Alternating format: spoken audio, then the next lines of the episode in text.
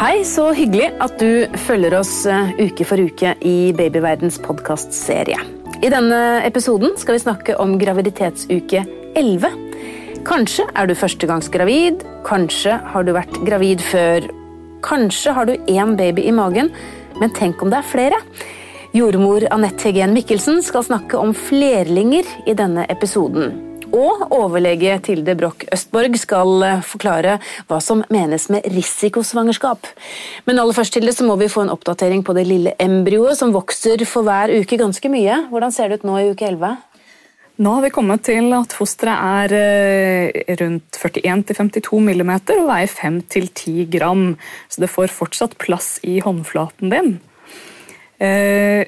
Nå er det sånn at Organsystemene inne i kroppen begynner å fungere. Det er sånn at Mor puster for barnet, og mor eh, filtrerer blodet til barnet og mor produserer næring til barnet. Men nå begynner en del av organene til barnet å fungere for seg selv. Um, så det er spennende. Mm. Og I tillegg så begynner tennene å dannes. Akkurat. Virkelig blir mer og mer en baby. Jeg sier embryo, så hørte jeg du sa foster, og så kaller vi det kanskje for baby. Eh, hva bør man kalle det nå? Jeg tenker at uh, hva man kaller det, vi, forstår, vi, vil forstå hverandre uansett. Ja, så det er ikke så eh. Det er ikke så farlig. Jeg er litt opptatt av at vi skal ha sånn riktig terminologi, men jeg trenger ikke å kalle det embryo, jeg kan kalle det foster. Jeg tenker at de, også mange fagpersoner sier foster eh, fra uke fire. Altså. Vi ja.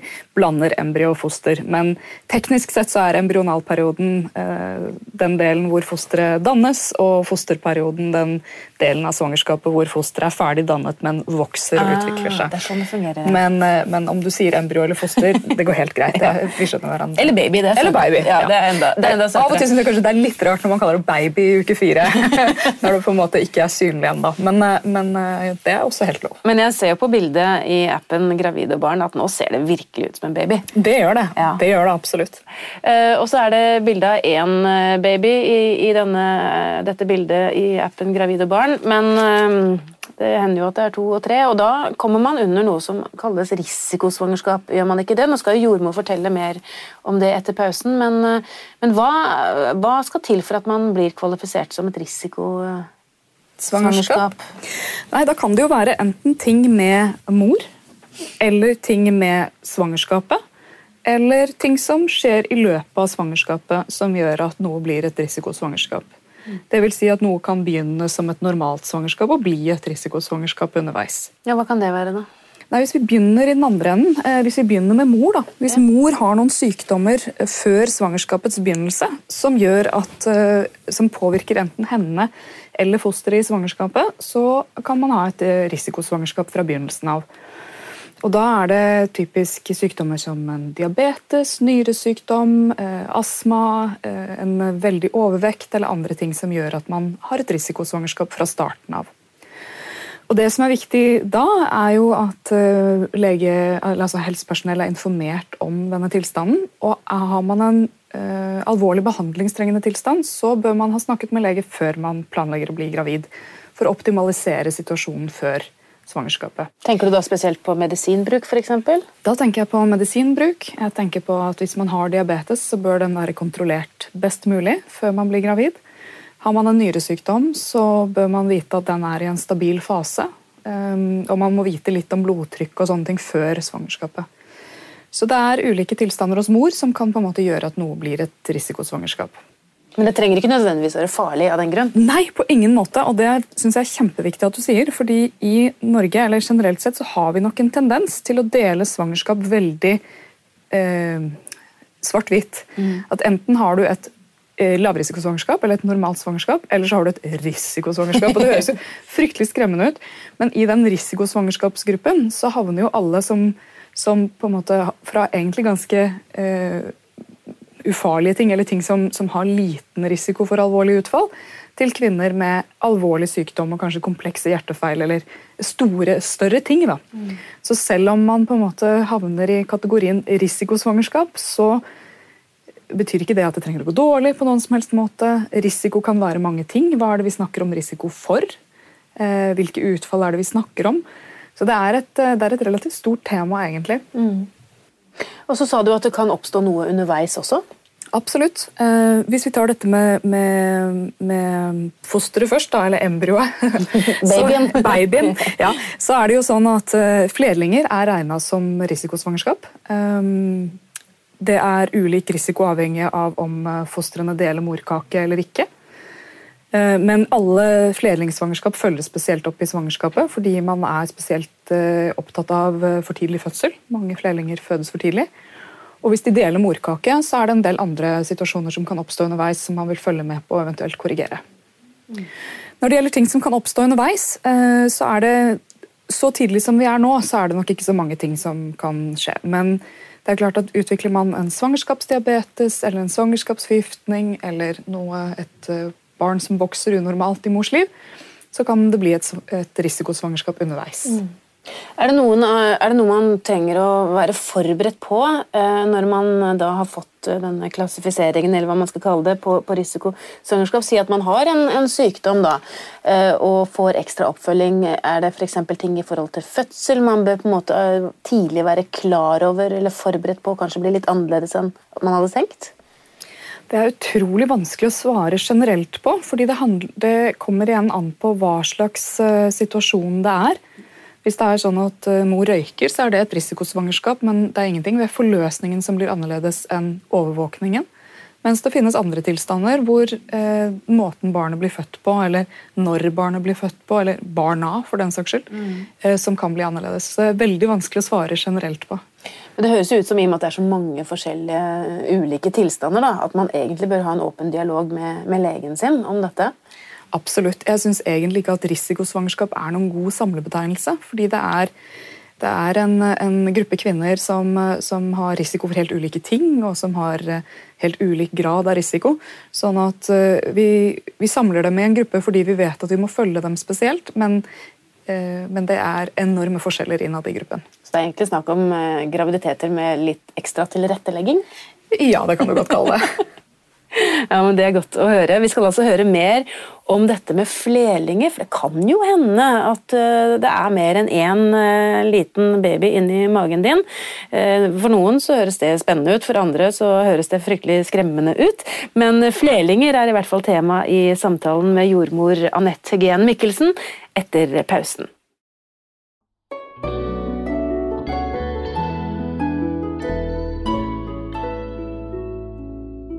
Vi er i uke elleve i vår serie Gravid uke for uke fra babyverden. Det er mange som tar den første ultralyden rundt denne tiden i svangerskapet.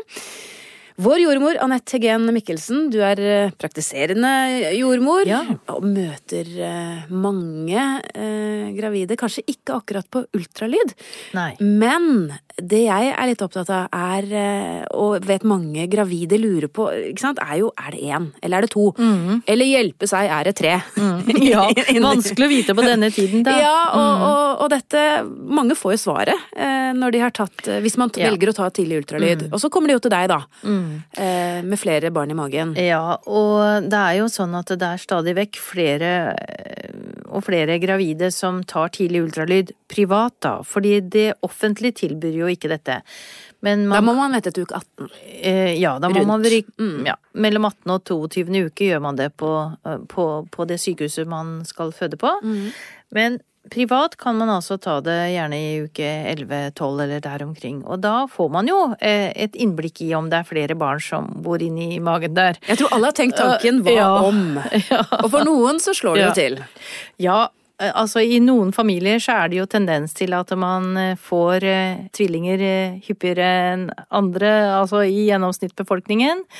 Og hvis man har hatt det i familien, så er det jo ikke så uvanlig da at man prøver å undersøke dette forholdsvis tidlig.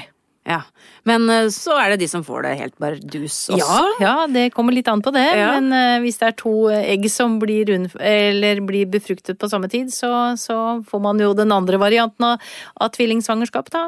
Og det kan jo også skje selvfølgelig tilfeldigvis. Eh, ikke så veldig vanlig, men, men ofte nok. Og så er det vel sånn at det skjer oftere og oftere ved IVF-forsøk? Ja, ja, det gjør det jo. Ja. Fordi at da setter man jo gjerne inn eh, to egg, da, for å si det sånn. Så da er man kanskje litt mer forberedt? Så da er man litt mer forberedt på den situasjonen. Ja. Men det er klart at eh, eh, hvis man eh, oppdager at det er tvillinger, så er det litt sånn forskjellig hvordan man reagerer på det. Noen blir jo jublende glad og tenker 'kjempefint, da slipper jeg unna med én fødsel'. Må føde to barn. Ja, Begge må føde to barn, men det er jo greit, Ja. eh, på en måte. Og Mens andre igjen tenker 'åssen i all verden skal vi klare dette'? Og det er klart at det å få to babyer på en gang, det er jo litt eh, mer jobb enn å få én av gangen. Ja, og så vet jeg det skjer jo sjelden, men det er jo ikke uvanlig med tre. Og jeg har også hørt om fire opptil flere ganger. så det er klart at eh, det, det kan jo være flere enn én baby inne der. Ja, det kan jo det. Og eh, for å si det sånn, så kan man jo ha symptomer på at man er ekstremt kvalm, for eksempel. Det er jo gjerne et symptom på at her er det mer enn ett barn inni Er det det? Ja. Ok. Er det andre symptomer? Ja, det at eh, livmora eller magen vokser veldig eh, mye ganske tidlig, kan jo være et tegn på at her er det tvillingsvangerskap. Altså sånn veldig overdrevne eh, graviditetssymptomer er jo gjerne en sånn doble svangerskap-variant. Men jeg tenker, hvis man ikke har vært på ultralyd, eh, så tar jo dere hjertelyden eh, på jordmorkontoret. Har du noen gang hørt eh, flere hjerter slå? ja, det har jeg vel. Kan man jeg- oppdage det på den måten også? Ja, det kan man nok, men jeg tror nok at eh, for det første så er det jo det der å høre hjertelyd, det er selvfølgelig en veldig spennende sak. Og, men eh, en skal jo være litt forsiktig kanskje med å høre etter hjertelyden veldig tidlig, fordi at eh, det er jo litt tilfeldig om man hører det eller ei. Altså, det betyr jo ikke at barnet ikke lever hvis man ikke hører noe, for å si det sånn da. Hvis man prøver å høre i uke 14, 15 eller 16 eller der omkring, ikke sant, så, så kan det jo hende at barnet ligger sånn i livmora eller i magen den dagen som gjør at man ikke hører det så greit. Hjertelyden, altså. Mm, mm. Eh, og da kan jo mammaen bli Da kan man jo skape veldig mye uro som følge av at man ikke hører det. Så jeg personlig så er jeg litt forsiktig med å, å oppfordre til eller høre etter hjertelyd veldig tidlig. Nettopp okay. for å ikke skape den uroen. Men det er klart at det, på den annen side så har jeg jo opplevd en del ganger at jeg nettopp har hørt hjertelyd forholdsvis tidlig da når mammaen ber om det, og da forteller jeg jo det. At da, da må du ikke bli redd hvis vi ikke hører noe her. Det Men had- betyr ikke noe Hvis, det vært nødvendigvis. hvis det hadde vært to babyer, hadde du hørt begge to da? Ja, det skal vel litt til, tror jeg, altså. Ja Ja, eh, jeg ka- kunne jo hende, men jeg, jeg tror ikke jeg har opp... Nei, jeg tror ikke jeg har opplevd det som jordmor at jeg har klart å så tidlig høre to hjertelyder. Så det Men man man oppdager det på ultralyd, da. Ja, så det er ultralyd som på en måte er det, det sikreste, da. Ja, ja, det er jo det. Men hvis man da er gravid med to eller tre, eller hjelpe seg fire, eh, Ja. får man, hva skjer i svangerskapsomsorgen? Får man spesiell oppfølging? Ja, det gjør man jo. Fordi at eh, man kan gjerne gå til sin egen jordmor eller sin egen lege også, men, men man får spesiell oppfølging på sykehuset, på det sykehuset man skal føde.